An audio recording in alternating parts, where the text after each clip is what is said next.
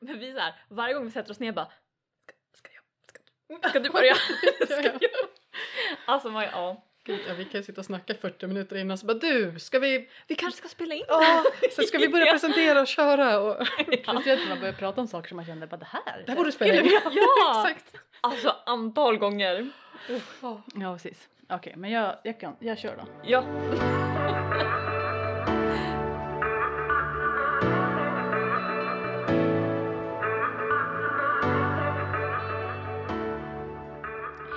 Välkommen till ett nytt avsnitt av podden Har du mens eller? Med mig, Emelie Persson. Och med mig Elise Nöjd. Idag har vi ett intervjuavsnitt. Mm. Vårt andra i poddens historia. Verkligen så en jättespännande gäst som vi har velat ha hit jättelänge i podden. Mm. Så äntligen så lyckas vi få till en intervju. Så jag tänker att med det så hoppar vi direkt in i intervjun. Mm.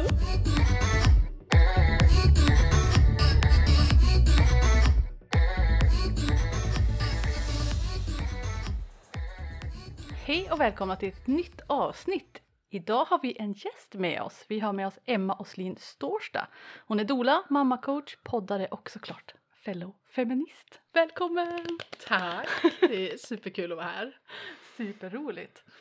Vi tänkte, vi börjar med en liten check-in som vi brukar göra typ. Mm. Hur är, hur är läget med dig? Var är du i din menscykel? Läget med mig är extremt kopplat till min menscykel, dag Mm. två. Mm. Eh, jag trodde att jag skulle ha jättemycket mensvärk och bara känna mig överkörd av en buss för att ägglossningen var precis när jag reste iväg över nyår. Mm. Så, och jag är jättelätt påverkad av liksom koffein, alkohol och det fuskades väl med något glas och någon liten kopp kaffe och det räcker liksom för att jag ska kunna få jättemensvärk. Mm. Eh, men det har jag inte haft. Jag känner mig bara seg, trött, tung. Mm. Så att jag mår väldigt bra för att vara på dag två. Kul att höra. Mm. Det är vågat med poddintervju på dag två. Ja, men all, dels har vi ju hållit på i tre månader och försökt hitta en Ja. tid. Så att det, det var liksom inte rimligt skäl att styra om det. Plus att hela cykeln blev liksom försenad. Så det skulle inte vara, jag tror att det borde ha varit ägglossning om det hade rullat på som vanligt. Mm. Men jag blev några veckor sen. Ja men det var ju bra. Vi uppskattar att du är här. Ja. Jag också, det är jättefint att vara här. Ja men jag, jag tar vid. Jag kör. Eh, jag är på cykeldag 19 och tror att jag precis ägglossat nytt, nyss typ. Jag brukar ligga där någonstans typ 16, 17, 18 någonstans. Mhm. Och jag har faktiskt eh, ja, men tempskifte både på min orala temperame- temper- termometer och min Oura Ring som jag testade första gången den här cykeln. Mm. Nu är det ju en temp så vi får väl se om det håller i sig ibland. Mm. Men du Men- tempar? Wow, jag wow, vet, wow. jag vet! Första alltså det här året, åh, jag har tempat så lite. Det här Feelings året, i mitt hjärta. du har hunnit med tre veckor på det här året. Förlåt. 2022. Jag tänkte att det var så här nystart. Ja precis. Man blev lurad av den där årgrejen. Nej men så Mm. det känns jättekul. Spännande att se. Det blir väl någon längre utvärdering på det. Nej men så jag känner mig, du vet sådär att man råkar jobba för mycket och köra för hårt lite grann. Men eh, ja, det känns, det är väl bra. Kul också. Härligt, härligt. Bra med energi i alla fall. Yes. Positivt. Mm. Så här nu i mörkertider höll jag säga. Ja. Ja men då kör väl jag. Eh, jag är på dag åtta. Så, så här, precis efter mens, precis innan jag börjar komma in i mitt fertila fönster så jag är lite så här. ja, det rullar på liksom. Inte så stor skillnad liksom men um, nej jag mår bra. Härligt. Bra med energi. Jag sover så jävla mycket dock. Alltså jag har sovit typ 10 timmar per natt under hela jul, nyår och fortfarande varit trött. Give me some of that. Ja, Ja. eller hur? Men det är vinter, det behövs. Ja, jag har väl insett, men jag blir typ irriterad för jag bara så här mycket, alltså jag brukar sova ändå ganska mycket. Så här 8 till 9 timmar. Men nu, 10 timmar och jag liksom kliver inte upp av mig själv. Jag bara nej nu får det räcka. Nu, nu har jag fått nog med det här. Nu måste jag upp. Mm. Men jag mår bra. Nice. Mm. Mycket, mycket bra. Mm. Kul. Men så det här eh, avsnittet kommer väl bli som lite uppdelat i två teman eller vad man nu ska kalla. Ett första är ditt arbete som doula. Eh, och sen så har vi nummer två där vi kommer prata om ehm, liksom relation till mat, matproblem slash ätstörningar också. Ehm, så jag tänker de, ni som lyssnar som känner att det ämnet eh, inte är för er, det kommer sist så ni kan stänga av när, när, när det kommer liksom. Och vi kommer också på alla sätt att försöka prata så icke-triggande som möjligt. Ja, men Precis. vill man inte lyssna så ska man inte lyssna. Ja. Mycket bra sagt. Mycket bra sagt. Men vi börjar med eh, doleriandet. ska säga. Du får jättegärna berätta lite mer om det. Vi skrev, ja men så här, bara vad, typ, vad, vad är det för någonting? Nej, men det är en jättebra start. Va, vad är en doula? Ehm, en, en doula är en person som stöttar den som ska föda. Mm. Eh, före, under, efter graviditet. Så det innebär ehm, det klassiska. Det känns som att doula-yrket är ganska nytt även om doula-rollen har funnits länge. Ehm, men att vara med och stötta när någon föder barn Mm. är ju liksom grunden. Och det är inte jättelänge sedan som när vi födde barn så var släkten med. För då födde man hemma och då var liksom mormor eller farmor eller svärmor eller en syster eller faster liksom kvinnorna som hade fött eller som var vuxna var med.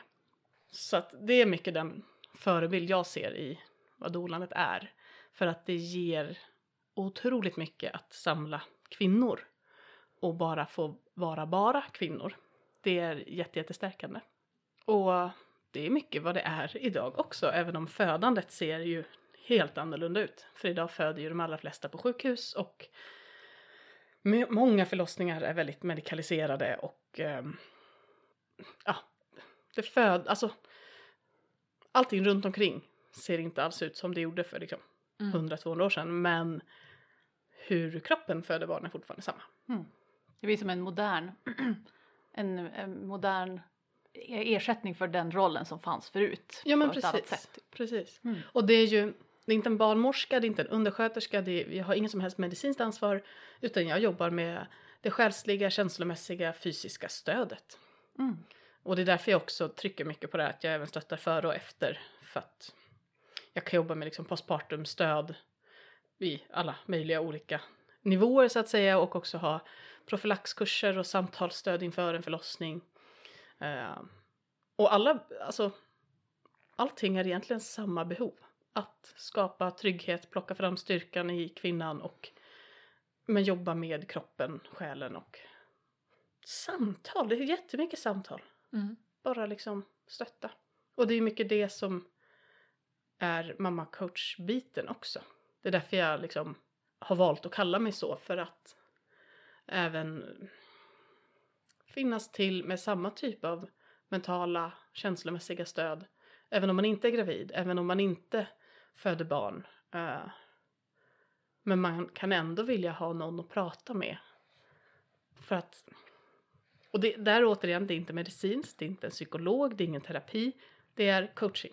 Det är liksom hjälpa till att plocka upp det du redan har. Min lärare beskriver det så snyggt att om man är coach så är man PT för själen och för sinnet. Så att Mm. Nice. klienten, mamman måste fortfarande göra jobbet själv.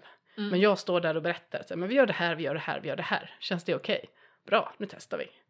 Det var ju jättebra liknelse. Jag Visst tänker är de flesta har väl lite så här en idé typ om vad en PT är eller vad en PT gör Mm. typ.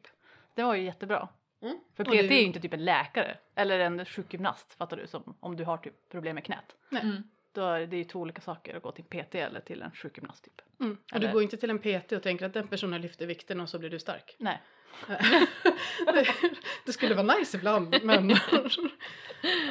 Ja men exakt. Men hur, hur kom du liksom eh, kom du på att du skulle bli dola? Ehm, jag skulle inte bli det först. Det är lite som allt i mitt liv. Nej men jag ska inte göra det här så backar jag in i saker och så bara nej jo det ska jag väl göra. Nej men för att nej men jag är väldigt så här om någonting är väldigt upp, uppschasat och känns väldigt hypat då blir jag väldigt anti. Mm. så att jag går liksom emot alla trender tills jag upptäcker att så här, nej okej jag är mitt i det. Typ jag kallbadar och det gör ju alla andra också. Fast jag tycker att jag gör det inte för alla andra gör det.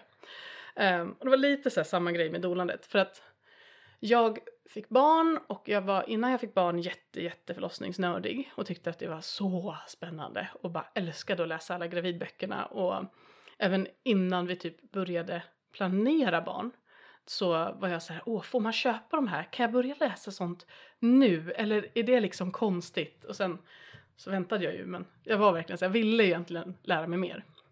Och sen när jag hade fått barn så var det en jobbig graviditet. Jag hade det som kallas för HG, så hyperemesis gravidarium, så att jag kräktes ja, åtta, nio månader. Mhm. Jag kräktes Oh. i stort sett genom ja, halva förlossningen. Ja, så att den är inte kul. Och då hade jag en väldigt lätt variant av HG. Jag behövde aldrig bli inlagd på sjukhus liksom. Ehm, Jag har ju faktiskt lyssnat på din podd där Ja. du berättar om hela din förlossningsberättelse. Så den kan vi ju så här Den där går jag igenom precis mer. plugga in den här. Ja, Ja. precis. Min podd, En moderkaka till kaffet. Precis. Mm. Alltså jag älskar den titeln. Alltså det är den bästa titeln jag har hört på podd. ja, Alltså våran titel, släng det i väggen. jag tänkte också bara, våran, alltså jag, jag tyckte den var ganska nice, men alltså det är ju ingenting i jämförelse. Den är så här lagom typ eh, lite så här spicy ändå. Ja, ja. Också, också himla fyndig alltså. Men det, det måste jag ge cred till Sandra. Vi försökte workshoppa fram något och så här, för hon bor i Östersund och jag bor i Umeå. Och så bara, men hur når vi fram till folk som sitter liksom i stugorna runt om i Norrland och bara, vi måste ha med kaffet och så. Mm. Och sen kom hon på det bara, det här är bara så bra. Ja, alltså, förlåt det var en tangent. Ja, men, men den är, och jag till och med en av de stora liksom doula barnmorskepoddarna drivs, eh, är eh, okrystat med Asabia och, eh, och Pukwa Britton. Och de kände till våran podd. De nämnde det, för jag skickade en kommentar till dem och liksom skrev inte alls vem jag var. Och hon svarade något med såhär, ja och ditt poddnamn är ju så bra. Jag bara, starstruck, oh, my god! Kul!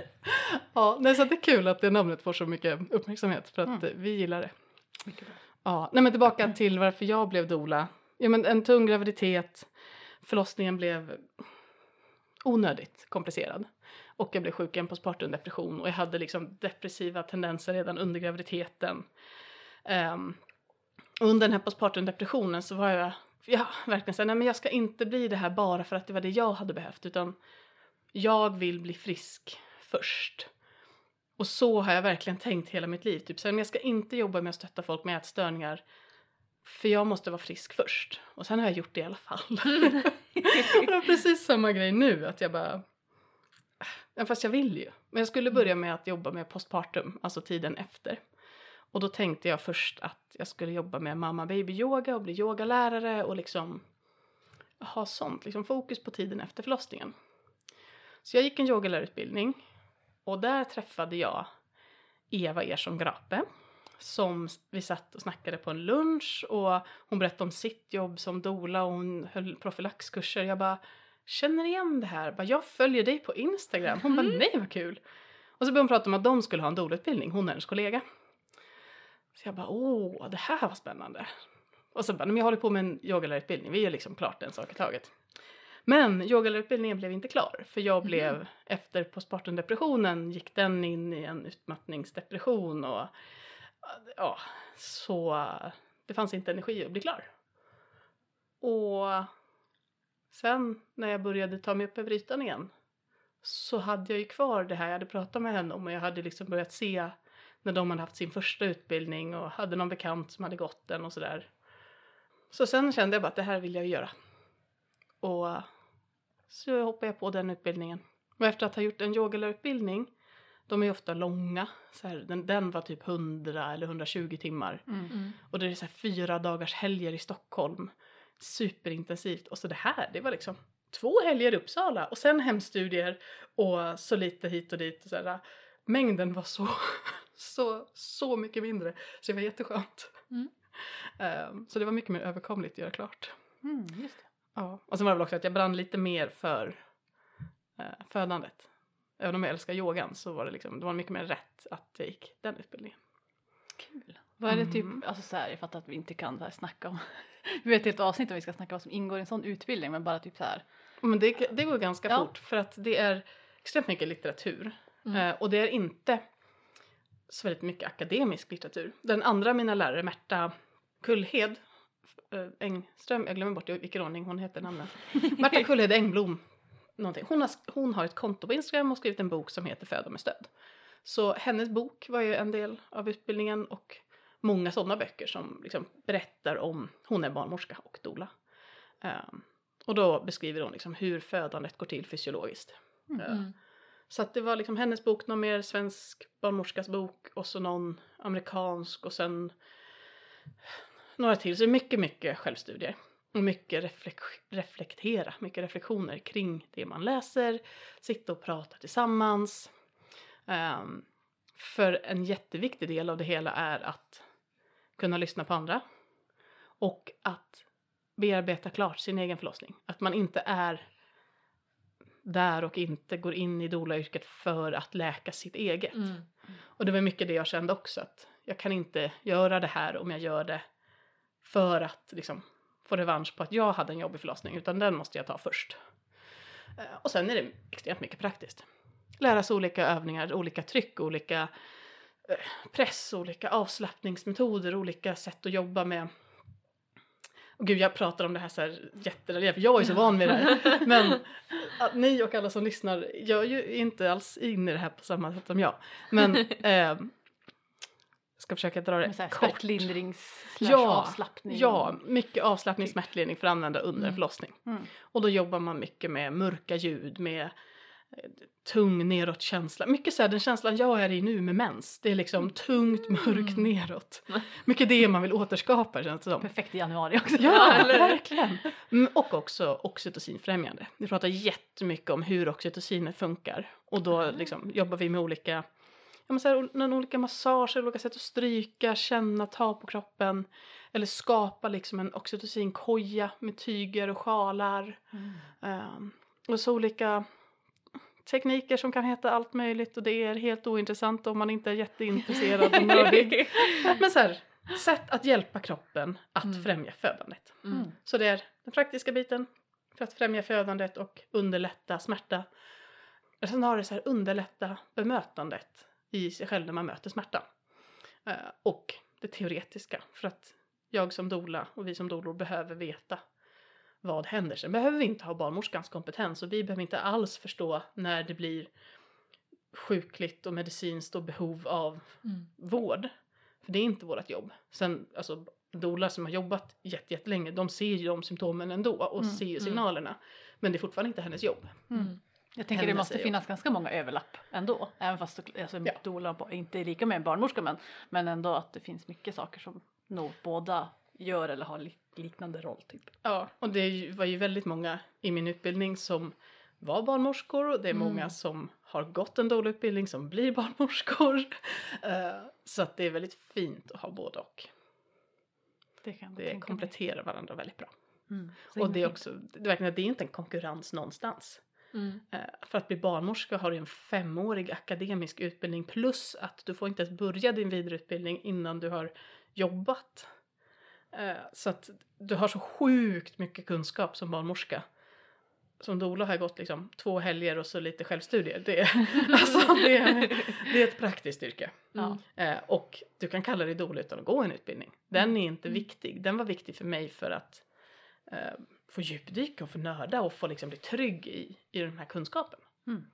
Har du varit på en förlossning? Nej. Eh, och det beror ju ah, men dels på pandemi och på min egen Ja. sjukskrivning Mm. och sådär. Men nej, jag väntar med spänning på Åh. min första förlossning. Åh, vad spännande. Mm. Det måste vara en så himla häftig upplevelse att vara på någon annans förlossning. Eller Mm. såklart på sin egen också antar jag. Ja men att få stå på sidan och vara, vara en del av det och bara att få bli tillfrågad och vara med är ju, det är stort.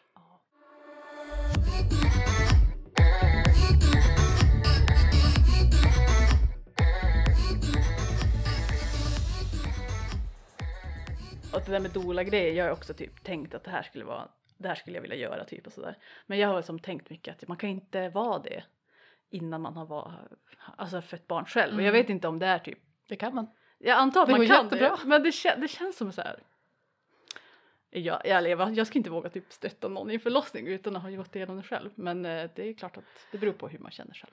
Ja, och det är också, de allra flesta går ju igenom en förlossning och sen känner att oj, det här vill jag uppleva och jag vill stötta någon och gå igenom det här. Det så, Mm.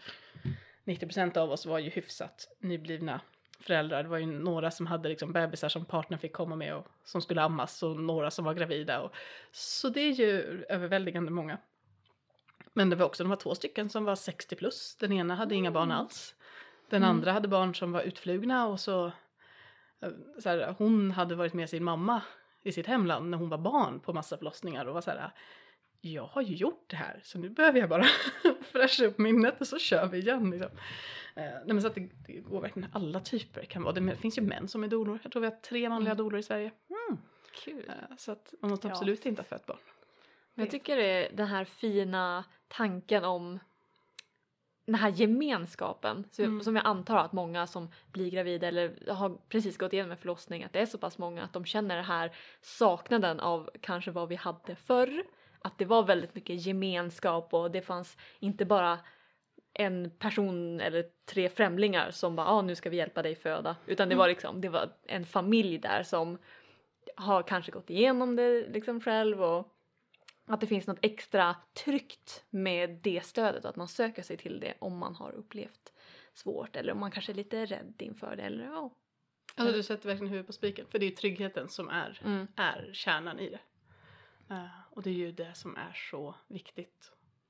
Ja, men För för bara, få, bara hela grejen att ha en till kvinna där som kanske har fött barn eller som har erfarenhet eller kunskap om det där. Som För är där för din skull. Ja precis, Mm. för oftast är man väl där kanske om man är i ett heterosexuellt cisförhållande då är man ju där med en, bara kanske en man Mm. som kanske aldrig varit med på en förlossning och såklart.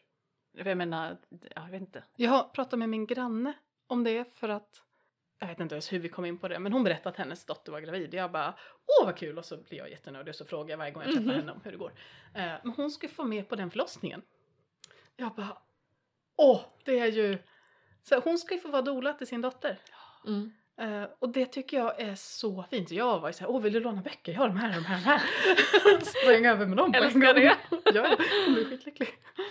Ja, nej men så att, eh, det är också så här, det, det blir så lätt en kostnadsfråga när det kommer till att anlita en doula och det måste inte vara det. Alltså, som sagt, det är ingen avancerad utbildning, det är inget avancerat jobb. Sen är det liksom långt och slitigt och man, är man med på en hel förlossning så kan det ju ta jätte- jättelång tid. Mm.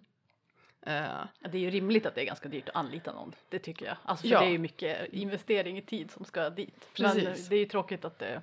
Men man kan ju också ta med sig sin syster, bästa kompis, Ja. moster. Det är ju, det är ju liksom upp till var och en. Mm. Vem man vill ha där. Mm. För just att få ha den här tryggheten, få ha personer omkring sig som känner en. Och också att kunna ha en avlösare till ens partner Mm. är väldigt bra. För många förlossningar, framförallt många förstagångsförlossningar, är långa. Väldigt, väldigt långa. Ehm, och jag tror många kan bli chockade över hur långa de är och också med alla PM och regler på sjukhuset över när det är en aktiv fas och inte så är det så lätt att liksom tappa sugen och tappa modet och då är det då är det lätt att partnern också gör det. Om det är någon annan med, en dola eller någon liksom ytterligare person som inte är lika involverad i den här relationen så kan man byta av och liksom vara så här, men du går och tar en fika, du lägger och vilar en stund, jag är här nu. Hon är inte ensam, men det hänger inte bara på dig. Och det tror jag också är en väldigt viktig grej. Liksom. Det låter ju supernice. Mm. Man, men man får vara två? På, eh, oftast eller? Alltså pandemi har det Ja. varit länge nu. Jag tänkte också det Jag tänkte har det de kanske inte finns någon begränsning tidigare innan. Nej, det har varit begränsningar och det har varit mycket diskussioner i DOLA-sammanhang och jag har pratat med vårdenheter och Mm, heja ditt Instagram-engagemang på det tycker jag. tack. Alltså det- jag har, men jag brinner av på saker och när jag hör liksom, ja men när jag hör om enheter som så här, helt utan någon rimlig anledning bara sagt att nej men det är en person med. Och jag blir så här, jaha, men för det var under en period när restriktionerna hade släppts överallt. Jag var så här, Mm. Men nej. Och det här var ett ställe i Norrland och det finns inte jättemånga och vi är inte heller jättemånga som höjer rösten när det blir fel här. För att, alltså i Stockholm är de betydligt många fler. Mm. Eh, och då kände jag bara att nej men jag reagerar, då får jag väl göra något åt det. Sen har jag jobbat som journalist också så då är jag ju inte rädd för att höra av mig till typ regionen eller typ en redaktion och bara Mm. hörni det här har jag hört om, värt att kolla på. Mm. Ja. Och det blev ju faktiskt i det sammanhanget jag pratar om så vart det ju effekt. För att de blev ifrågasatta från journalisten som pratade med mig och de tog det vidare till sina chefer som bara jaha. Så att det var ju bra. Våga, våga bli förbannad och säga ifrån. Heja heja! Eller hur? Jag tycker om det. Våga bli förbannad. Ja. Men alltså, jag måste så här hoppa in lite Ja. här som en som inte har det här intresset när det kommer till typ graviditet och förlossning utan som har iväg. nästan det motsatta. Mm. Och jag tycker det är väldigt, eh, just det du sa i början om att det är typ en gammal situation eller vad man säger, en gammal liksom roll med ett väldigt nytt yrke. Och att jag tycker det för mig som verkligen inte har någon riktig kunskap om själva förlossning, alltså jag kan ju mycket om vad som händer innan i fertilitet och allt sånt. Men när det kommer till graviditet och förlossning och det här känslomässiga och det här, alltså jag är typ så här superrädd för själva graviditet och förlossning och jag känner verkligen inte den här bara wow, gud vad häftigt. Alltså häftigt för andra men inte häftigt för mig själv liksom. Så för, för mig och den liksom sidan så tycker jag det låter väldigt skönt att dolor finns för att det är så här just det du pratar om att ja men ni är inga psykologer, ni är inga liksom medicinsk personal utan ni, ni är bara där för att stötta kvinnan genom det här emotionella som vad nu kvinnan kan gå igenom liksom. Och det känns coolt, det känns tryggt att veta att det finns och att det finns stöd för även typ sådana som mig som kanske inte är intresserad utan bara känner bara vad rädd jag är typ om det nu skulle hända i framtiden att jag blir gravid. Då bara ah, ja men det känns och även fast för jag älskar mina kompisar men ingen av dem är ju så här ja barn. Ja jo du är ju såklart min kompis Emelie. Förlåt jag dissar dig. Eh, Jag skulle det- mig Du är också lite yngre än oss. True, true. Men inte så himla mycket yngre. Okej, hur gammal är du? Nu frågar vi den där som man inte ska fråga kvinnan. Du, får fråga hur mycket som helst. Jag är snart 27 år Du, i januari. 90, Sexa. 96 Mm. Och hur gammal är du då? 32 snart. 91. Ja men då är vi lika gamla. Mm. Ja. Jag var ganska säker på att vi var typ lika Ja, men, men det, och då, just när man pratar om det här med graviditet så, nu säger inte jag att så här, åh du kommer vilja ha barn om ett tag, det är absolut inte det jag menar. Ja nej. Men jag tänkte inte som jag gör nu när jag var 25, 26, 27. Mm. Eller gjorde jag? Fan. För jag började komma, inse när jag blev gravid. Fast jag Okej, att när jag var ni 23, gjorde 24 det. då. Nej men alltså det, det är Mm. liksom, eh, just så här som att Emily sa att du är lite yngre. Det kan hända en del även i hur man funderar och vad man lär sig. Mm. Eh, just att man kanske inte är lika rädd. Jag försöker verkligen komma ifrån att få det att låta som att så här, när du blir stor kommer du vilja ha barn. Det är inte det jag försöker säga. Nej, men jag fattar, alltså, det är ju såklart att det, det kan liksom förändra sig med åldern. Alltså så här, man har ju kompisar och bekanta som är så här. Men de bara, nej men jag, vi vill inte ha barn, eller kanske någon gång, eller vi vet inte, inte så himla intresserade av det. Och sen så Mm. nästa gång man pratar med dem om ett halvår så är det så här, ja men det kanske skulle vara lite kul någon gång eller ja, så här. Och sen bara, ja men vi, kan, vi kanske ska börja försöka, så bara, ah, är de gravida typ. Mm. Eller alltså du vet, typ så. Att det var Ja. som, från, på typ några år så gick det från att, äh, kanske, vet inte, till bara, jo vi vill det jättegärna. Ja, och på samma sätt så kan också känslan kring att så här, gud det verkar läskigt. Eh, och så här, det är inte aktuellt för mig, jag vill inte, det verkar läskigt. Ändras till, det är inte aktuellt för mig, jag vill inte, men jag är inte lika rädd längre. Mm. Mm. Det, det, det var dit jag försökte Ja, komma. ja. Att den kan förändras. Och också, eh, där finns ju dolor och, ja men det är därför jag också säger mammacoach, inte bara dola. Mm. För att även en sån som du, eller någon som lyssnar som känner att här, jag är så himla rädd och orolig kring det här, det är inte aktuellt för mig.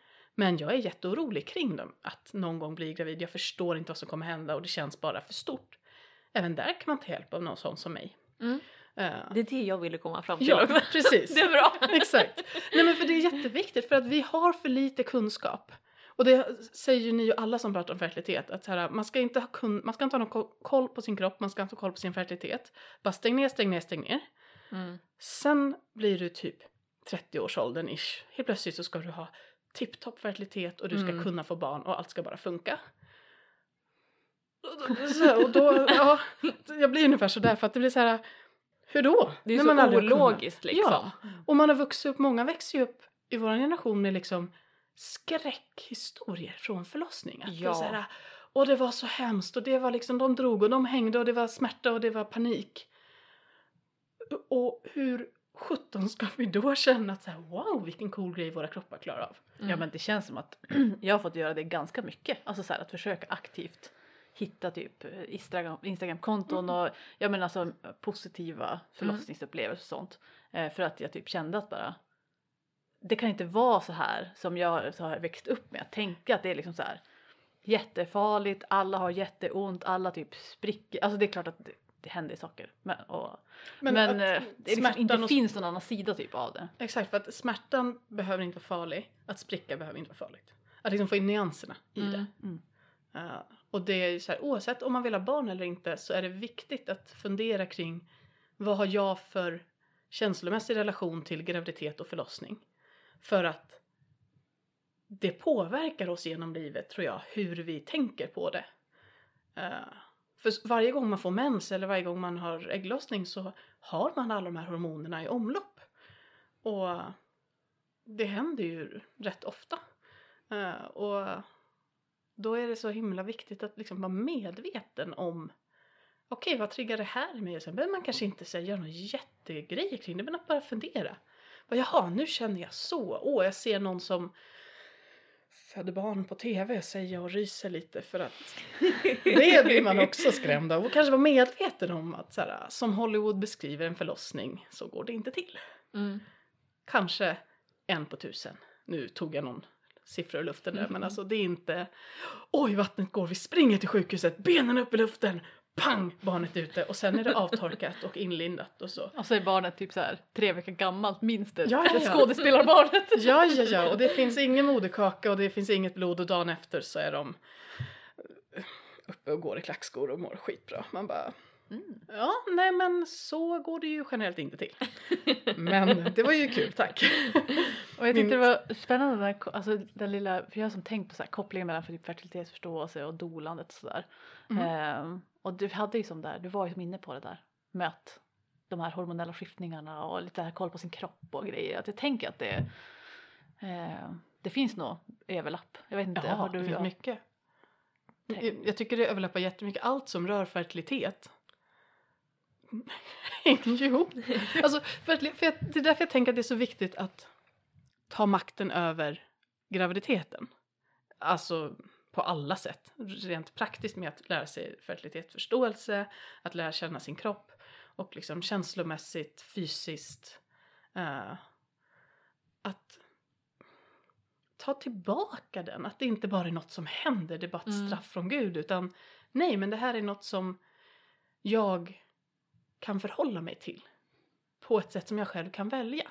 Det är inte att det bara så här, landar i knät och så shit, nu måste jag bli gravid eller så måste jag gå igenom en traumatisk abort. Utan ja, men har man reflekterat kring det och får man ta plats och göra det? Får graviditeten ta plats även innan man är gravid? Då vågar man ju liksom ta beslut när man är där, tänker jag. Och det kan spela in även om man har svårt att få barn. Jag menar, vi, för oss tog det nio månader innan jag blev gravid och det tyckte jag var skitlänge. Sen fick jag lära mig att det var ganska normalt. Och det är också så här, aha, men då jobbade jag med natural cycles och det, ja, kan man säga vad man vill om. Det visade sig inte funka jättebra. Eh, så jag tror att nästa gång nu när jag faktiskt har lärt mig av dig Emily ehm, så kommer det kanske inte ta nio månader för nu har jag koll på så här fertilt fönster och sekret och jag vet Mm. vilka tempskiftningar som spelar roll var. Ehm, men det var ju som ett första steg till att lära mig någonting. Men det känns, eller jag som tänkt på det som ett steg innan förstår du. Jag tänker Ja. fertilitetsförståelse, preventivmedel eller man vill bli gravid och sen är det slut och sen så är man gravid och så, alltså förstår du? Alltså, Mm. Ibland så blir det som lite så här boxigt i mitt huvud. Jag, jag tänker snarare att det så här flödar runt Mm. hela tiden. Jag tror det är rimligare. Jag känner att doktorn säger att det är boxigt i hennes huvud. Det är väl ganska... Du är också så här, universitetsutbildad akademiker. lite väl länge kanske. Men himla nu kul. vet jag inte om du har någon aktiv klient antar jag man kallar det Mm. eller? Eh, men eh, känner du att i tanken i ditt arbete att du kommer använda din egen kunskap om fertilitetsförståelse? För jag, tänk, jag har förstått att du utbildade liksom på sidan av doula-utbildningen med fertilitetsförståelse. Ja, den gjorde jag ju för min egen skull. Mm. Eh, för att efter man har varit gravid så får man gå på efterkontroll och så har man benen upp i luften och så tror jag att många typ tänker att automatiskt vill man sätta in en spiral. Mm. Det är min bild nu, det funkar ju inte så. Eh, men man får snacka preventivmedel. Mm. Eh, jag hade tur, hade en svinbra barnmorska. Så jag bara så här, nej men jag vill inte ha hormonella preventivmedel för att det hade jag gjort slut med Mm. ganska lång tid innan. Det var ju så jag hamnade på Natural Cycles från början. Och då sa jag också att nej men jag vill liksom hitta, jag tror att jag hade lärt mig ordet fertilitetsförståelse redan då. Och jag var beredd på så här, det funkar inte, familjeplanering är jätteosäkert. Och hon var så här, ja, nej men det finns nog här i stan, jag tror jag har hört talas om någon ändå. Men hon kunde liksom inte rekommendera sen att hon Mm. fick och kände väl inte till sådär. Men det var ju bara, wow. Damn! Ja. Vi behöver fler sådana barnmorskor. Ja men, åh, fantastisk barnmorska. Uh, nej men så det gjorde jag ju för min egen skull. Um, Mm. Och Tror du att du kommer använda det i ditt liksom, Ja, framtida är frågan. Ja. ja, det ja, ja. Nej men det är ju, det la ju liksom en grund för att få en förståelse. Mm. Sen har ju jag en jättebra, haft en jättebra grund att stå på för att lära mig mer så det använder jag hela tiden. Eh, jag försöker så här komma med något vettigt exempel på hur jag kan använda det men det är ju det är så självklart på Mm. något sätt. Um, ja men typ att vara medveten om hormonerna, hur de påverkar ens mående. Eh, och kunna prata med klienter i postpartumperioden att säga men så här och så här lång tid kan det ta innan det kommer igång, så här påverkar dig och det hormonet. Mm. Ehm, och återigen, ingen medicinsk utan bara så här generell kunskap och då är jag mer så här här kan du lära dig mer. Mm, precis. Eh, jag kan hänvisa vidare för jag har lärt mig så mycket nu. Mm. Eh, och jag kommer inte vara så här att det här ska du göra och du ska inte använda hormoner och du måste göra som jag utan eh, eftersom att jag har den breda kunskap jag har nu så kan jag liksom berätta om fler alternativ, mer möjligheter och visa att Mm. ja, men så här, det går att göra så här också. Mm. Eller liksom, okej du funderar på det, det kanske hänger ihop ehm, med liksom det här och det här. Mm. Ehm, Men det blir ganska likt ändå som, ja, men som när jag hade klienter också. Att det blir mer Mm. att man är en, på något sätt en, en, en nod också till andra resurser. Så här, man vet var det finns mer information, man vet vilka Mm. böcker som Mm. kan vara bra och man, man, eh, man vet att det här är utanför min kompetens utan då får Ja. man hänvisa till vården eller någonting. Utan bara så här, det här, generellt är det här normalt och inget Mm. att oroa sig för. Här har du kunskap så du kan känna dig mer trygg och typ sådana där grejer.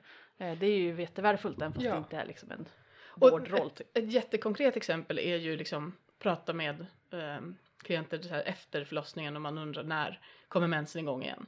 Och det är inte självklart för alla att så här, första ägglossning sen är det mens. Och då kan jag ju säga, ja men de här tecknen är ganska bra att hålla koll på.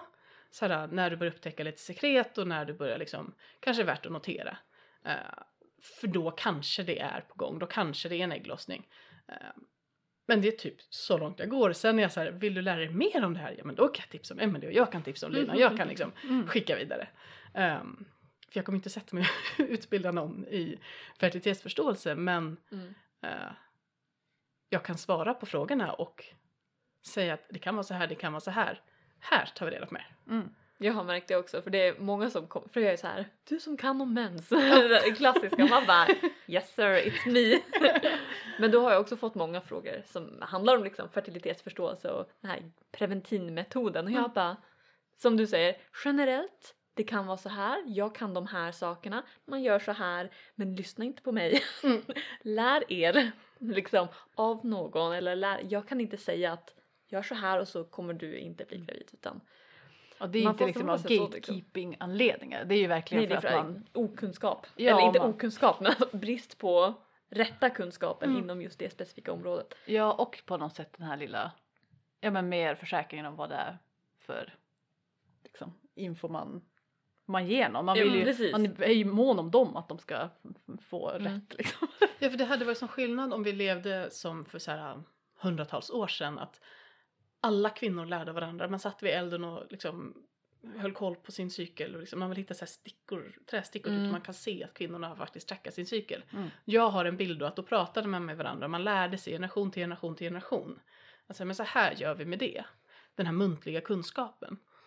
Den har ju gått förlorad. Och nu har vi istället ett behov av faktakunskap. För den, om vi förlitar oss på muntlig kunskap nu, då blir den väldigt inblandad med folk som tror att en p-pillercykel är en menscykel på samma sätt som en icke p-pillercykel är på samma sätt som man tror att en medikaliserad förlossning är en fysiologisk förlossning. Mm. Det är ungefär samma skillnad där att så här, petar vi in medicin i kroppen ja men då har vi inte längre den här kroppsliga att vi kan lita på att så här har det alltid varit för då är vi på ett helt annat spår. Mm. Eh, Så därför behöver vi ju ha kunskap som är lite mer validerad om man säger. Mm. För det är ju en djungel ändå också med, med information. Man Mm. fattar ju att folk blir snurriga i huvudet. Ja, Då är det ju jätteskönt att ha någon som bara, ja men den här människan har bra koll på det här. Jag kan Mm. fråga den. ja precis. Och för att också kunna sålla bort så här, alltså jag är ledsen men det här är bullshit. Mm. Mm. Eh, typ så här, alla har 28 dagars cykel och sen bara dag 14 har ägglossning. Just det. den, den, ja. Ja verkligen. Den kan vi lämna i 2022 känner jag. Eller 20 år tidigare. Ja men verkligen. Jag håller alla tummar och tår för att du ska få vara med på en första förlossning Mm. snart och Mm. att det ska vara en eh, ja, men fin upplevelse både för dig och människan i fråga. Tack. Är det något som du känner att så här, inom dola mammakorsning-ämnet som vi har missat som du vill? Oj, jag kan prata om så mycket men jag tycker vi har pratat om mycket fint. Och sen kan jag bara hinta att det är eh, nya grejer på gång. Ooh. Mm. Så äh, men jag ska sitta, sitta och hålla på dem. Ja, Så jag- det, det bara ska ha Du bara här, gimme gimme. Nej men det kommer komma lite spännande online-grejer kan man väl konstatera. Mm. Mm. Ja men då kan vi väl kanske passa på att plugga lite för din Instagram kanske? Ja, Som heter? hela moderskapet. Ni hittar mig på Instagram, ni hittar mig på Facebook och jag har en hemsida. Perfekt. Mm. Då kan man hålla utkik där med andra ord. Där nya kan man grejer. hålla utkik, där kommer det nya grejer. Och kontakta dig om man vill. Ja, ställ Att frågor. du ska vara doula eller något såklart. Ja. Mm. Alltså jag tyckte, vi har ju skrivit ner lite frågor Mm. och jag tycker den där var så bra så jag undrar om vi kan skopa in den precis Vi- innan vi wrap it up. Mm. Eh, så vi har skrivit ner här att vad tycker du mest om med att vara doula? Alltså att få tilliten att få vara med på ett litet hörn i den största händelsen som finns i en annan människas liv. Mycket fint. Mycket fint. Wrapped. Nej. Verkligen.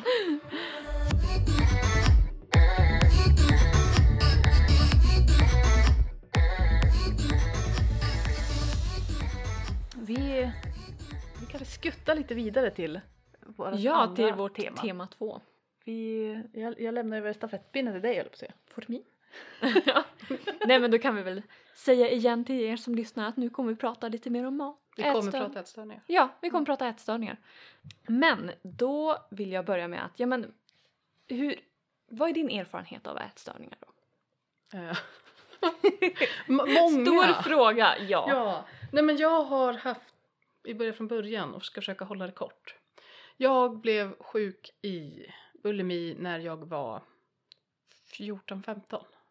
Eh, och då var jag sjuk i typ två års tid.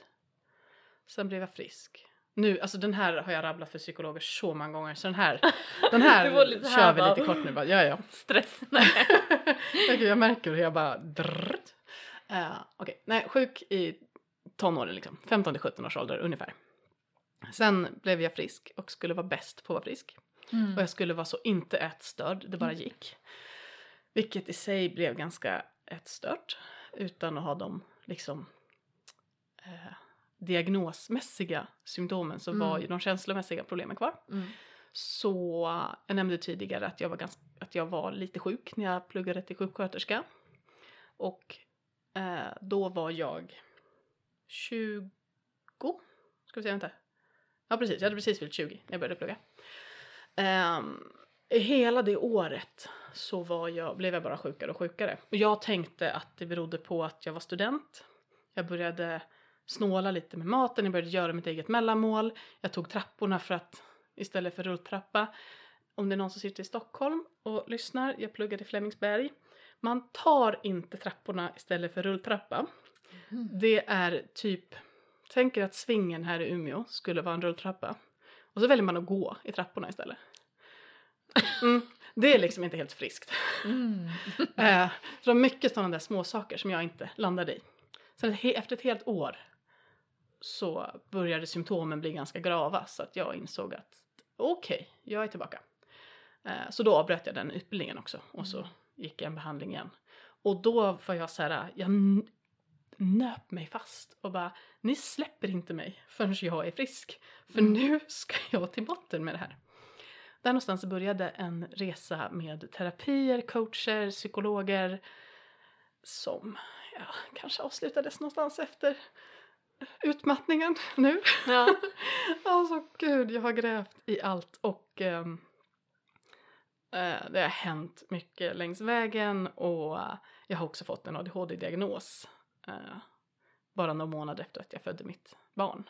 Det ska vi inte snacka jättemycket om tänker jag för det är så mycket annat vi vill hinna prata om. Men jag vill, jag vill bara flagga för att, att ha återkommande depressioner, återkommande problem med prestations ångest, prestationskrav och återkommande ätstörningar eh, kan vara en varningsflagg för någon typ av NPF. Jag säger inte att har du haft mycket ätstörningar, har du Mm. ADHD, men är det så att någon som lyssnar liksom, har haft mycket sådana problem kan det vara värt att fundera om det finns andra varningsflaggor också. För då kanske det ligger något annat och spökar. Intressant. Det är väl Mm. rätt underdiagnostiserat hos kvinnor speciellt också Extremt underdiagnostiserat. Mm. Framförallt hos kvinnor som jag som klarar skolan, som tar sig in på en universitetsutbildning. Sen har jag ju inte gått klart den. Men, eller jag har ju, har ju pluggat till journalist så att jag har ju liksom högre utbildning. Mm. Ehm, men hos oss är det extremt underdiagnostiserat och vi blir väldigt ofta utbrända. Mhm. Ja. Mhm. Den känns lite för hårt tyckte jag. Så, utbrändhet hos kvinnor känns som en väldigt, jag höll på att säga modernt problem men det är ju inte heller modernt. Jag tror det har funnits väldigt, Men väldigt stort problem, verkligen. väldigt stort problem. Ja. Det var väl hysteri, hysteri, äh, Ja just det, hysteria ja, liksom. precis. Ja. Jag ser någon sån här äh, Jane Austen drama på SVT just nu. Där skickar Mm. de kvinnor till havet när de är lite hysteriska. Alltså, mm, om någon hade gjort det för mig och bara, Alltså jag såg någon meme Ja. på det som var typ såhär bara snälla skicka iväg mig på en båt, jag är lite hysterisk. men alltså så nice. Och så kommer någon där och servar med mat och sen var ju livet Ja. för kvinnorna på 1700-talet var ju väldigt mycket skit. Men Mm. just det där. Mm. Bara, mm, En nice. positiv sak i alla fall. Kan vi, vi få en hysterisemester när vi har PMS varje cykel? Damn. Oh. Det. Betald av staten såklart. Ja. Det är det som är de här mensdagarna som finns runt om Ja på vissa ställen i. Land, i världen. ja, säger jag till den. Alltså bara, Mm. Vi ska inte heller gå in så mycket på det men ja. Mhm. Yes. Eh, men då har du haft ja, men de här matproblemen väldigt länge. Hur skulle du känna, eller känna höll jag på att säga. Hur skulle du säga att det började för dig? Ehm, du, om du vill ta det från första gången du kände att, Mm. ja men där du var kring 15. Vad var första tecknen som du kommer ihåg som du... Det var väldigt mycket osäkerhet och oro. Och nu i och med att jag fått en ADHD-diagnos så med de glasögonen så kan jag ju verkligen förstå att jag vände allting inåt för att jag, jag höll ihop och höll ihop och höll ihop liksom. Mm. Ehm, men liksom det var svårt med kompisar, alltid varit, alltid haft svårt att passa in. Jag fick börja tidigare i skolan så jag var väldigt högpresterande. Så jag var liksom ett år yngre och ändå bäst i klassen, alltid. Mm. Jag var ett år yngre, ändå alltid längst. Jag har alltid varit stor, säger jag med extrema citattecken, för jag Mm. har inte det. Mm. Jag har bara alltid varit lång och haft systrar som varit väldigt små. Haft kusiner som, alltså alla mina systrar och kusiner har varit gymnaster.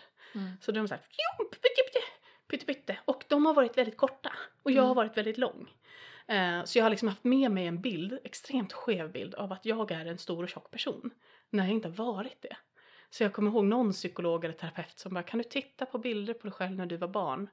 Och se om du verkligen var det. Och då kunde jag ju se och bara, nej, men lilla tolvåriga Emma.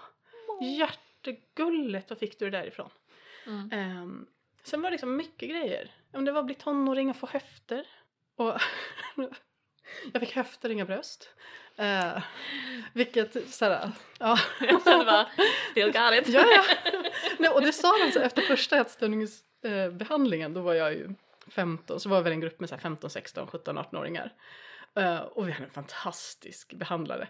Uh, och stört cool. Eh, och hon var så här, ja men hörni, nu när ni går upp i vikt, då brukar det ganska ofta sätta sig på brösten. Jag bara, Men det är helt okej. Nej, nej, nej, nej. Jag tror fan jag har samma storlek nu nästa, samma kubstorlek nu som när jag var 14 liksom. Det satte sig på höfterna.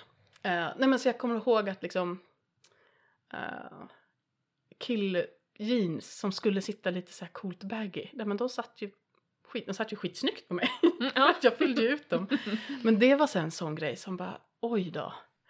Uh, så mycket sådana här små saker runt omkring. Osäkert och kompisar. Och, Många bäckar små liksom. Ja.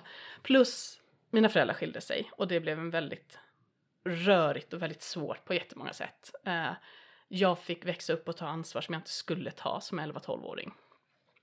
Eh, och den största skaderisken, förutom att jag gick på en skola som var extremt prestationsinriktad, som också, de gjorde också mycket fel. Eh, men de gjorde vad de kunde då och idag så gör inte skolor så. Och det, var- det var inte värre än att de, så här, de premierade elever som det gick bra för. Mm. Men på ett sätt som gjorde att vi tävlade mot varandra på ett ohälsosamt sätt. Eh, och sen tränade jag konstsim, som är i sig en fantastisk sport, men som också är väldigt kroppsfokuserad. Och så Mhm. träna en sport där man ska liksom röra kroppen i vattnet och sen helt plötsligt har man höfter där och bara oj gud nu måste jag ju lära mig nya tekniker. Mm. Det var jobbigt. Och så gå upp i vikt och så ha muskler på ställen där man inte var van. Det var jättejobbigt, jättekrock i huvudet. Och så hade jag tränare som inte mådde bra. Mm. Flera tränare som mådde dåligt. En som påverkade oss allihopa så negativt så att jag tror att 80% av oss fick olika typer av ätstörningar. Alltså det var Skräckupplevelse. riktigt, riktigt, riktigt. Och hon var ju inte ensam orsak. Mm. Men hon var tillräckligt mycket negativ påverkan för att allt det andra som var i våra liv gjorde att det där liksom, det Det rann var som över. en Alltså, katalysator tänkte, nästan. Ja. Det här är ju också tidigt 2000-tal, alltså det var inte kul att vara tonåring då. Äh, Nej, 01, alltså, det- 03 alltså, jag- sådär, nej. Alltså det var ju helt sjukt, bara såna här du vet, alltså bara smalidealet börjar ju komma tillbaks nu men det, det var ju ka- katastrof då. Mm. Ja, men det Och var ju det såhär, var- Christina Aguilera opererade bort revbenen och Ja men det är typ att, size zero var typ norm. ja såhär Bridget Jones, visst är det Bridget Jones? Ja. Som Ja. var tjock liksom i den Alltså du vet det är ju så här, man, ser, man tittar på det nu i efterhand och så tänker man att det här är ju helt sinnessjukt. Och, Ja. det, det, och då som tonåring tänkte man ju ja men det här, det här är så det ska vara. Ja. Och sen så, det är klart att typ alla hade skev kropp, åtminstone de flesta tjejer hade ju Ja jättekonstig typ kroppsbild. Typ. alla hade ju någon typ av ätstörning. Mm. Alltså det, alltså det är ju så sjukt. Jag tänker typ många, alltså jag höll på att säga många äldre som ni, men det var inte det jag tänkte säga.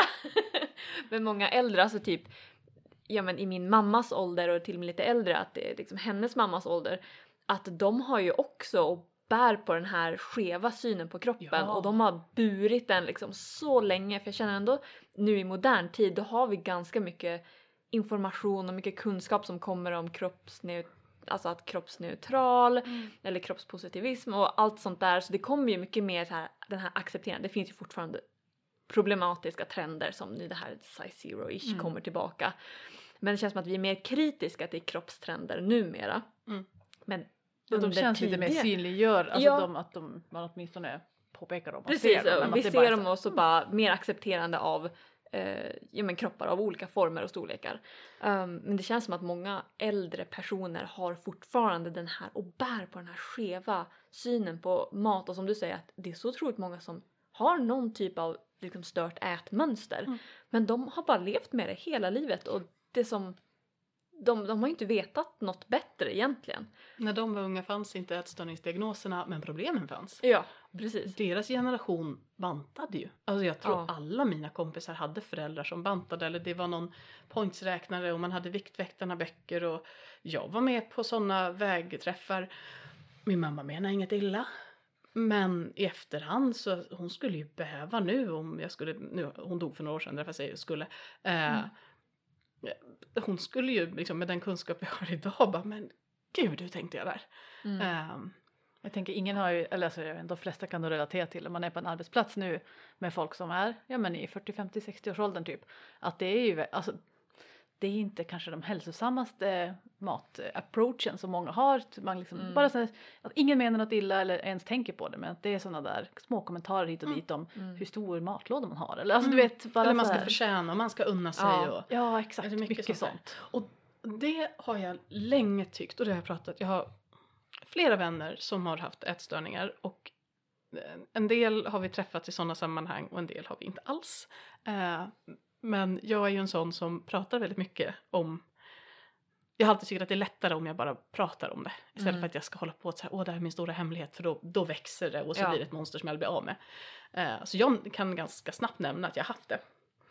Och jag tror att det är därför det, jag har så många som jag pratar ätstörningar med i min bekantskapskrets och vars var jag var på väg. Nu har jag helt tappat tråden. Eh, Jobbdiskussioner. Jo, tack. Eh, nej men det vi har sagt är att en fördel av det hela är att vi är som vaccinerade. Eh, där folk kan sitta på jobb och snacka om så här, vad man har i matlådan eller åh nu ska jag unna mig att träna. Det, det. Där kan vi ganska snabbt vara så här, vet du vad jag kommer inte ta det här samtalet med dig. Eller jag vill inte att du kommenterar min mat. Mm. Ehm, och jag har gjort det så mycket så att jag tänker inte ens på det. Och för mig är det så inpräntat. Och jag vet när jag träffade min mans familj första gångerna.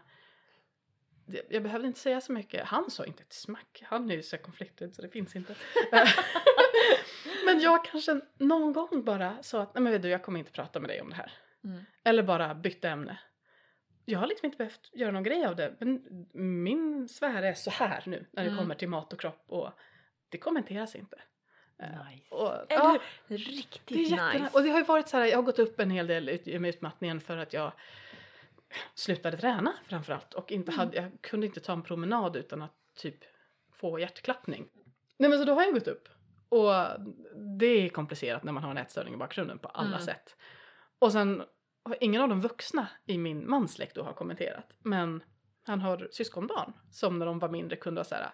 Åh, har du en bebis i magen? Eller kunde titta på min mage och jag var så här. Nej, vet du vad? Jag är bara tjock. Mm. Och det var också en så himla bra KBT för mig. Att när jag var i det att så här. Okej, men nu är det så här. Hur förklarar jag för en sjuåring? Ja, nej men jag säger att jag är tjock för att det är ju det magen är. Mm. Det är ingen värdering, den bara är. Mm. Och så behöver vi liksom inte göra någon grej av det för jag vill ju inte sitta och liksom dra in magen och bara oj nej men ah, Mm. förminska mig och ge en sjuåring en massa onödig skit. Mm. Eh, så det har också varit väldigt bra. Och nu när jag har en treåring själv att kunna liksom prata om kroppen utan att värdera är jätteviktigt för mig. Och det är väldigt, väldigt läkande. Jag känner det också, bara att höra det här samtalet. Jag bara, åh, Jag sitter också här och bara mitt hjärta! Just det här att barn ser ju det mesta som neutralt liksom. Och kroppen är neutral så om någon säger bara ah, du är tjock eller du är smal, då är det som, det finns ingen värdering i det och jag tycker det är ett sånt otroligt fint sätt. Att man kan beskriva kroppen bara, "Ja, men jag har bara en tjock mage eller jag har bara tunna armar eller ja, Mm. att man beskriver det som en väldigt ja, men accepterande ton. Tror jag kommer göra fantastiska grejer för framtidens barn. Och, och som du säger, det är väldigt läkande för en själv också att bara, men gud, man kan faktiskt prata på det här sättet om kroppen och avstigmatisera hela det här samtalet om, om vikt och, och hur kroppar ser ut helt enkelt. Mm. Mm. Ja, men, och den kopplar ihop ganska bra med matgrejen också tänker jag. Det här med Mm, alltså, hur man pratar precis. om det och hur man inte värderar olika typer av mat och sånt där typ som vi också pratat ganska mycket om. Det känns ju, jag vet inte hur, hur den delen typ har varit för dig typ om det, ja men hur du tänker typ, hur du pratar typ om mat nu och sådär. Alltså nu, det här sista året egentligen, har jag som börjat jobba mer och mer med det intuitiva ätandet. Ehm, just för att kroppen har förändrats igen och jag jag gick inte upp på grund av graviditeten eftersom att jag uppenbarligen inte kunde äta så mycket eftersom att jag kräktes så mycket. Eh, Då var det så här, nej men jag hade ungefär samma kropp efteråt. Eh, utan det var eh, utmattningen som fick min kropp att bara freaka ur och det säger för att den verkligen så här, min kropp gick in i ett extremt överlevnadsläge och bara Mm. sög åt sig allt. Och då slutade jag ungefär i den vevan också att äta veganskt för att jag kände att jag måste, jag orkar inte. Det var, Mm. det var för mycket meck. Jag behövde bara ge kroppen enkel snabb näring, typ jag ville få äta ägg. Och de förändringarna har gjort att jag liksom blivit tvungen igen att så här, sitta, känna, acceptera och bara nu är det så här kroppen är. Och det har väckt jättemycket ätstörningstankar.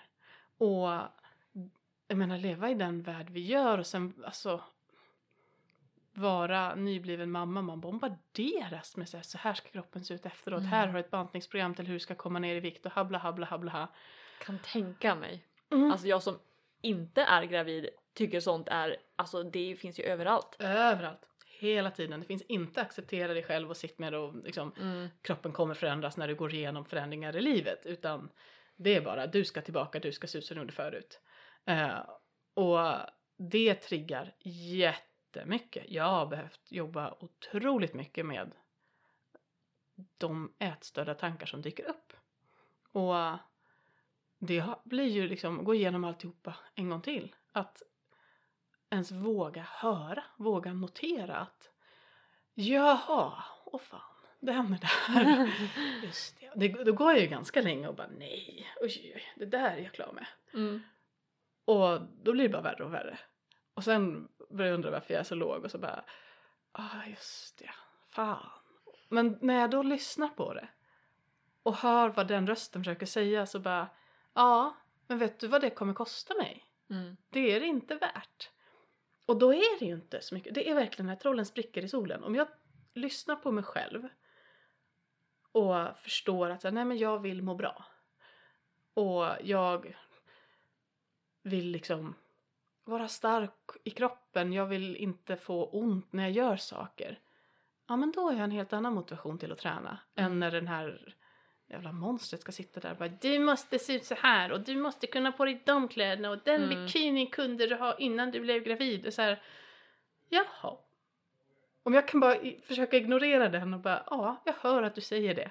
Men vet du, du bestämmer inte. Mm. Sätt den i baksätet och så sätter vi någon lite smartare bredvid dig och så kör du bilen och sen så här, låt den där sitta som en skrikande unge där bak. Kanske slå på lite musik och bara Yes, I hear you. Du får inte bestämma vart vi ska åka just nu.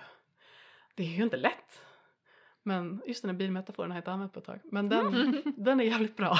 Jag tänkte direkt på en kallbadsmetafor, för du Aha. kallbadar ju också. Ja, kallbad. Eh, och jag tänkte på den där, sätta den där rösten i baksätet. För det är ju det typ, den är väldigt hö, högljudd den där rösten om det är kallt, du kommer frysa ihjäl, varför vad håller du på med, är du dum i huvudet så här när du ska kallbada. Och sen så blir Varje ju, gång, första Ja. 30 sekunderna innan man ska kliva i. Men jag där. tycker också att Mm. den, ju mer jag kallbadar, ju mer kan jag bara så här, den, den kan sitta där bak i baksätet Mm. och bara, ja ja, men jag vet, jag vet att det kommer bli nice. Ja, och det är också när man gör det så kan man sen tänka varför? Varför säger min hjärna alla de här grejerna? Mm. När man kallbadar så är det ju väldigt logiskt. Hjärnan tänker du kommer dö därför att lever man i, liksom på stenåldern och kliver ner i en isvak då är man dum i huvudet och riskerar sitt liv. Den stenåldershjärnan har inte fattat vilken värld vi lever i nu och att man inte dör av det. Men den gör ju sitt jobb. Den varnar dig att det här är farligt. Mm. Och det är precis samma sak med de ätstörningstankar som kan dyka upp hos mig. De gör sitt jobb. För de som de är programmerade så tror de att nu kommer du dö. Mm. Eh, bara det att de pratar ett annat språk i en annan värld. De fyller ingen funktion och kan inte tänka logiskt. Eh, men när jag kan liksom se det så kan jag titta på det lite mer som på ett barn och vara så här. Nej men jag förstår att du är jätteorolig. Jag förstår att det känns jätteläskigt att tappa kontrollen just nu och att det här inte alls är det du vill. Men jag lovar dig att det kommer gå bra. Jag lovar att jag tar ansvar för det här och går det inte bra då är det mitt ansvar. Och då brukar det bli liksom lugnare. Mm. Och så bara, okej. Sen behöver inte jag vara perfekt för det utan jag kan liksom sitta sura och grina och gnälla. Men för att jag vill det, inte för att den där rösten vill det. Jag tycker det är väldigt fin metafor. för Jag har inte tänkt på det på det viset. Alltså jag tror jag har tänkt på den här att det är som en liten, en liten röst som jävligt irriterande som man ska liksom hantera och ha liksom verktyg för att hantera. Mm. Men jag tyckte också om det här med att, ja men det du säger att det är som en liten överlevsmekanism fast den är uppbyggd av sociala strukturer mer än ren instinktiv överlevnad på det viset. Mm. Som ni säger om kallbadet.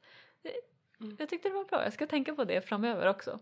Och det är lite mer, som du säger, när, när det kommer förändringar.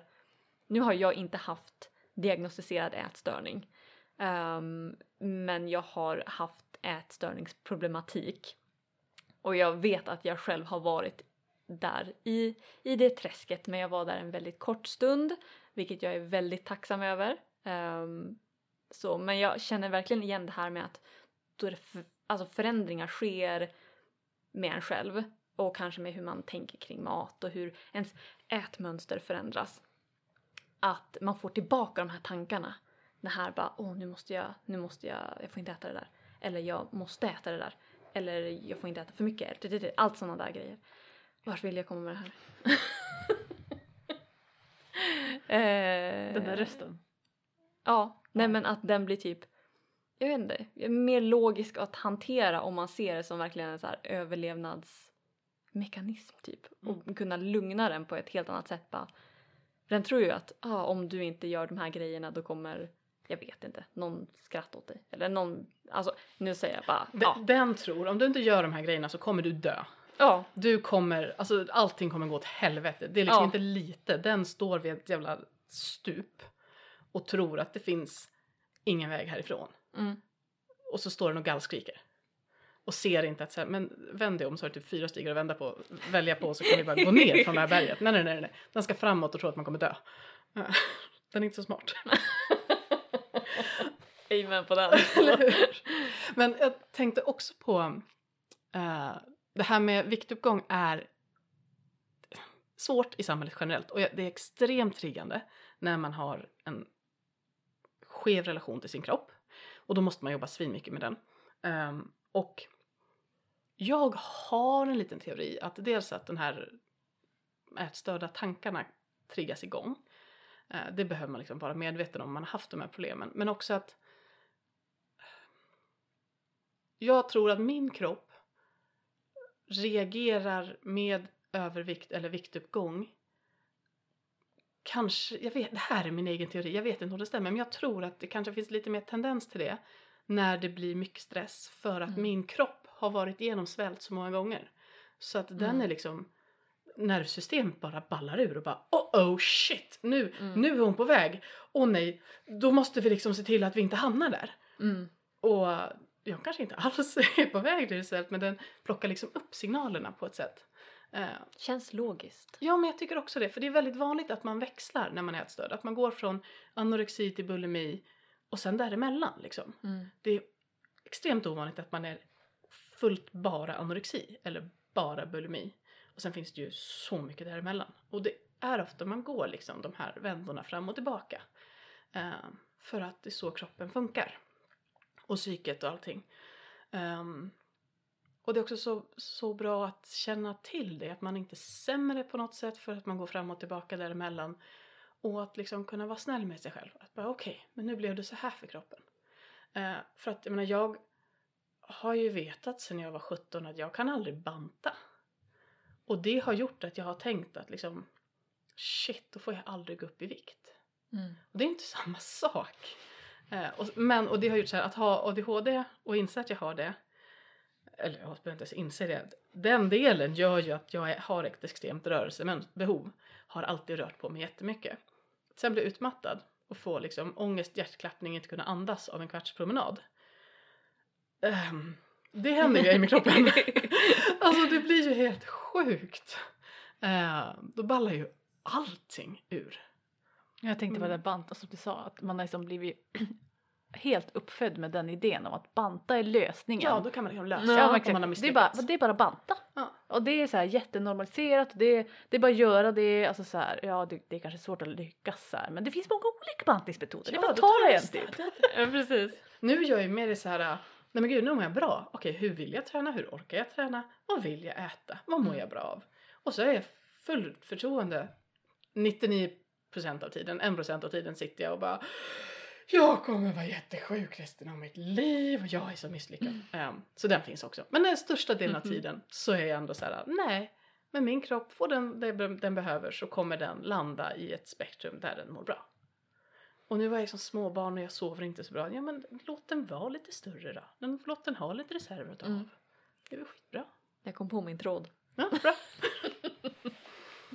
Att det är väldigt naturligt tror jag och normalt att svänga fram och tillbaka då man har bättre perioder och sämre perioder. Det var det jag tänkte komma Mm. till som jag tappade bort där.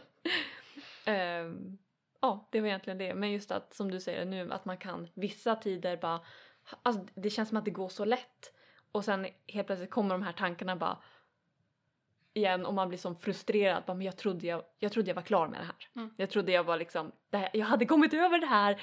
Jag, jag, Jag hade läkt mig färdigt. Mm, jag var klar. levde livet. Lämna lådan. Ja, precis. Och den kommer tillbaka och det kan kännas typ överväldigande, det känns som att man typ misslyckas, men man gör ju inte det. Utan det är ju bara, det, det är så det är liksom och till slut kommer man kunna hantera de här på ett helt annat sätt än vad man gjorde för ett år sedan eller två år sedan. Mm. Så ja. Jag menar, ingen går igenom livet utan att ens kropp förändras. Det spelar ingen roll. Va? Mm. Alltså alla gör ju det. Mm. Alltså bara, ja men typ graviditeter eller, men bara att man blir, ja, man man märker jättestor skillnad bara. Alltså så här, jag har inte svängt jättemycket vikt eller för ett barn eller någonting. Men det är ju, hur min kropp ser ut nu är ju ändå jättestor skillnad jämfört med för 15 år sedan. Och det, måste, det får man ju jobba med ändå. För att Mm. det är, Speciellt i det här samhället. Ja, för det är, ja, jag tänker bara på sådana här, du vet, men with microphones, nu är vi women with microphones. Men hela den här, if my woman don't bounce back after pregnancy Oh she's out, God. alltså typ den. Såna. jag tycker om hon den här som jag tror nästan alla har sett men den bara Stop giving me Ja. microphones. så jag ser bara låten och man bara Eh, Det finns, ja, det är inte konstigt att en kämpar med det. Ändå. Nej. Men det du sa är liksom väldigt, väldigt läkande för mig på något sätt. Det känns så här, du satte ord på det jag har försökt formulera för mig själv länge.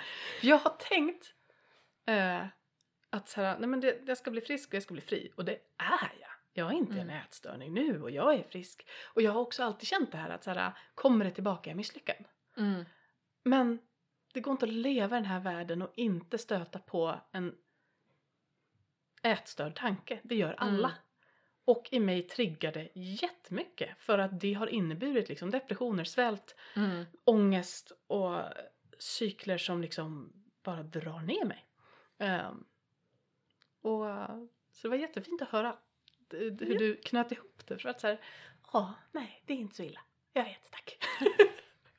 Och det vore ju ganska konstigt om, man, om det inte var väldigt triggande också. Ja. Alltså även fast en har jobbat väldigt mycket med det och, Mm. och känner sig alltså, ganska stabil och trygg med det så är det ju ändå, jag menar, jag menar det kan ju vara väldigt höga vågor av ätstörningssaker Ja. man kan stöta på i ja, internet ungefär. Mm. Så, eller till vardags I guess också. Mm. Så det, det vore ju konstigt om man bara min båt är alltid 100% stabil på rätt Eller hur? Woho! Jag är inte påverkad av livet, jag har inga hormoner. Jag bara... Eller hur? Exakt. Jag och mina kompisar, vi brukar faktiskt, ja men då och då, eh, och det tycker jag vi har gjort det bra att vi är väldigt öppna med varandra. Vi också. Vi har, du har, jag menar mina två äldsta kompisar. Du är också här, Emelie. Alltså jag känner, vad är det här? Du bara, jag bara dissade hela det här avsnittet. Vi får prata sen. Ja. Eh, men när jag pratar då så är det mina två äldsta kompisar som, och jag har känt dem hela livet. Ehm, så om än de kanske inte Alltså, vi har ändå varit tonåringar, gått igenom många saker men också på olika håll men varit öppna med varandra. Och sen nu när vi är äldre då har vi pratat mycket om eh, ja, men ätstörning och allt sånt där. Jag, alltså, de två var de första som jag sa att jag tror jag inte mår jättebra. Eh, så de bara mm. För ingen av oss egentligen då kunde hantera såna här saker utan vi har alltid tagit med typ en klackspark och lite skämt typ. Och det har varit jättebra för oss. Men eh, också att numera så pratar vi om då vi får såna här, jag ska inte säga återfall för det är det inte. Eh, men så här att tankar kommer upp och bara men nu känns det jävligt jobbigt alltså. Jag tänker så här eh, det känns så här. Men, och det är det som jag är stolt över, då kommer alltid det här att men jag vet att det kommer gå över, jag vet att det här är tillfälligt, jag vet att det inte innebär att jag måste gå tillbaka. Jag kommer inte göra de här sakerna som mina tankar säger att jag ska göra, men jag vill ändå berätta för er om dem. Jag vill bara, jag kan bara starkt rekommendera det om man inte gör det. Att ha någon att prata med när det kommer typ såna här återflöden av de här tankarna, om man har dem.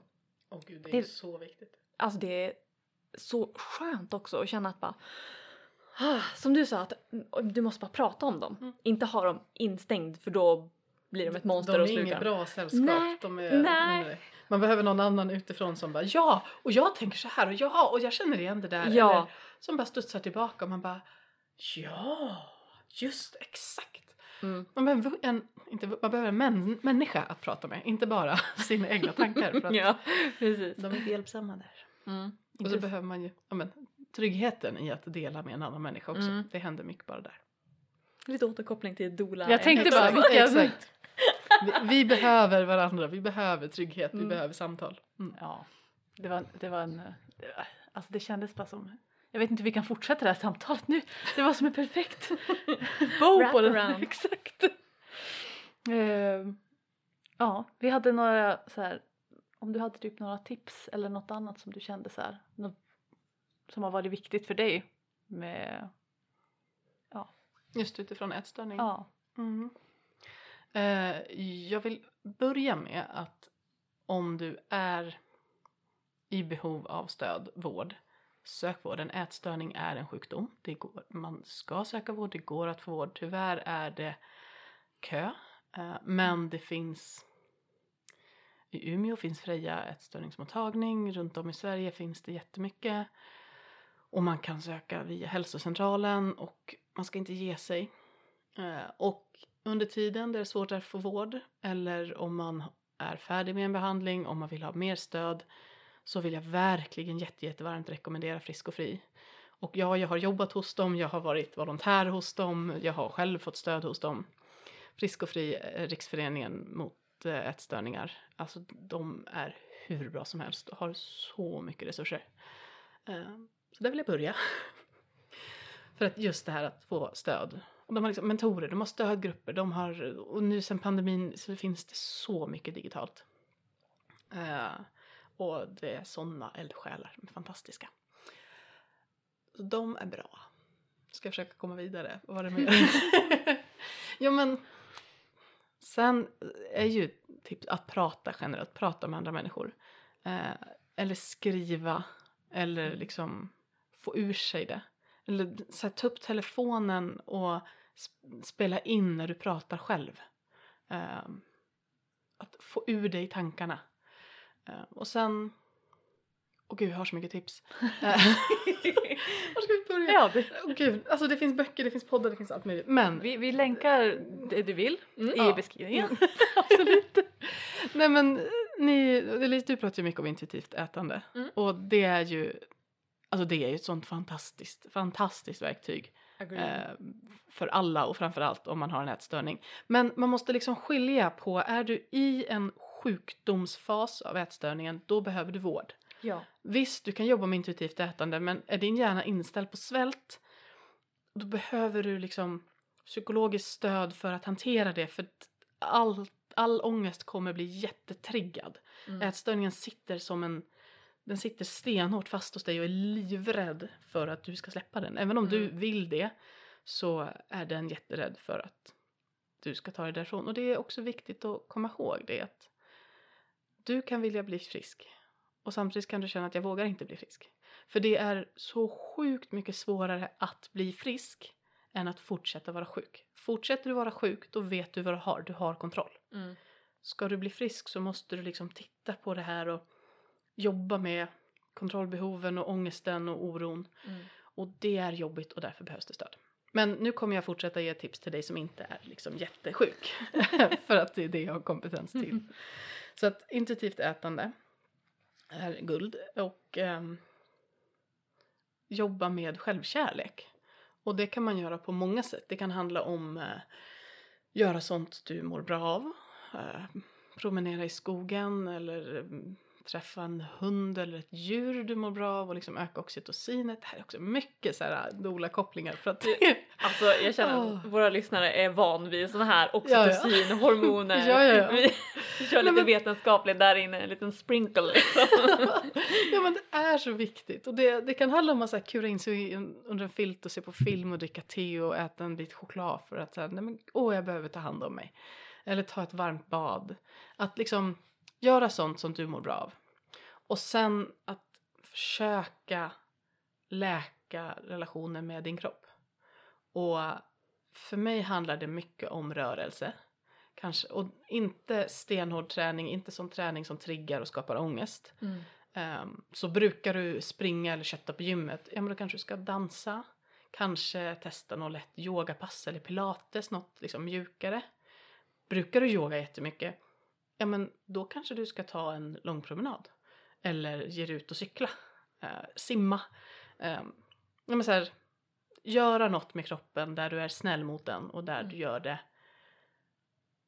bara för att uppleva hur känns det här. Mm. Mm. Men typ rörelse. Jag tycker Mm. träning känns ibland som ett ord som känns lite sådär laddat. typ. Träning kan Mm. bli jätte, jätteladdad. Så jag, tycker, jag tänker Ja. typ så här, rörelse känns mer neutralt och så rörelse typ för att det är kul eller för att det Ja. känns Herregud, gå ut en fredagkväll på krogen och dansa med dina bästa vänner. Det är fan Alltså, nice alltså. Ja, Dansa på kro- om det är bra musik dock. ja. Eller för guds skull dra på musik i vardagsrummet och dansa.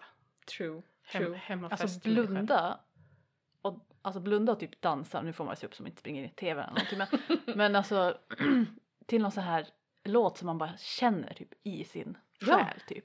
Alltså jag det, körde på Katy Perrys Roar i köket och jag har så fönster så alla grannar kan se mig. Men jag stod och vråldansade i morse. Jag känner den här listan som jag delade till dig, Mm. den har jag har en lista som heter Witchy Vibes tror jag det är. Oh! oh Och den har jättemycket så här lite så här nordisk musik, mycket trummor och mycket oh, alltså jag får typ Åh! typ så många av de låtarna har jag så här fått rysningar till att jag bara bara sitter och typ vibrerar till dem. Mm. Jag, jag vill typ så här tipsa om somatic healing men det, det, det låter så, så läskigt om man inte är inne i de svängarna. Men typ slå på sån där musik då och så bara börja röra kroppen lite. Bara låt den så flöda med exakt som Mm. den vill. Ja, alltså det låter Åh! så flummigt nu när man så här sitter, om man aldrig har gjort det. Det Mm. låter jätteflummigt men det är fan nice att Ja, men det göra är det. jättenice. Gå, utgå från vad din kropp behöver. Utgå från Ja. liksom... men det är Mm, alltså det, det, jag har ju dansat ganska mycket, täv, tävlat i dans och allt möjligt också. Mm. Och det är, en så, det, det är en annan grej att göra sådana grejer som man också kan kalla dans. Mm. Än att göra dans som många tänker på som är så här.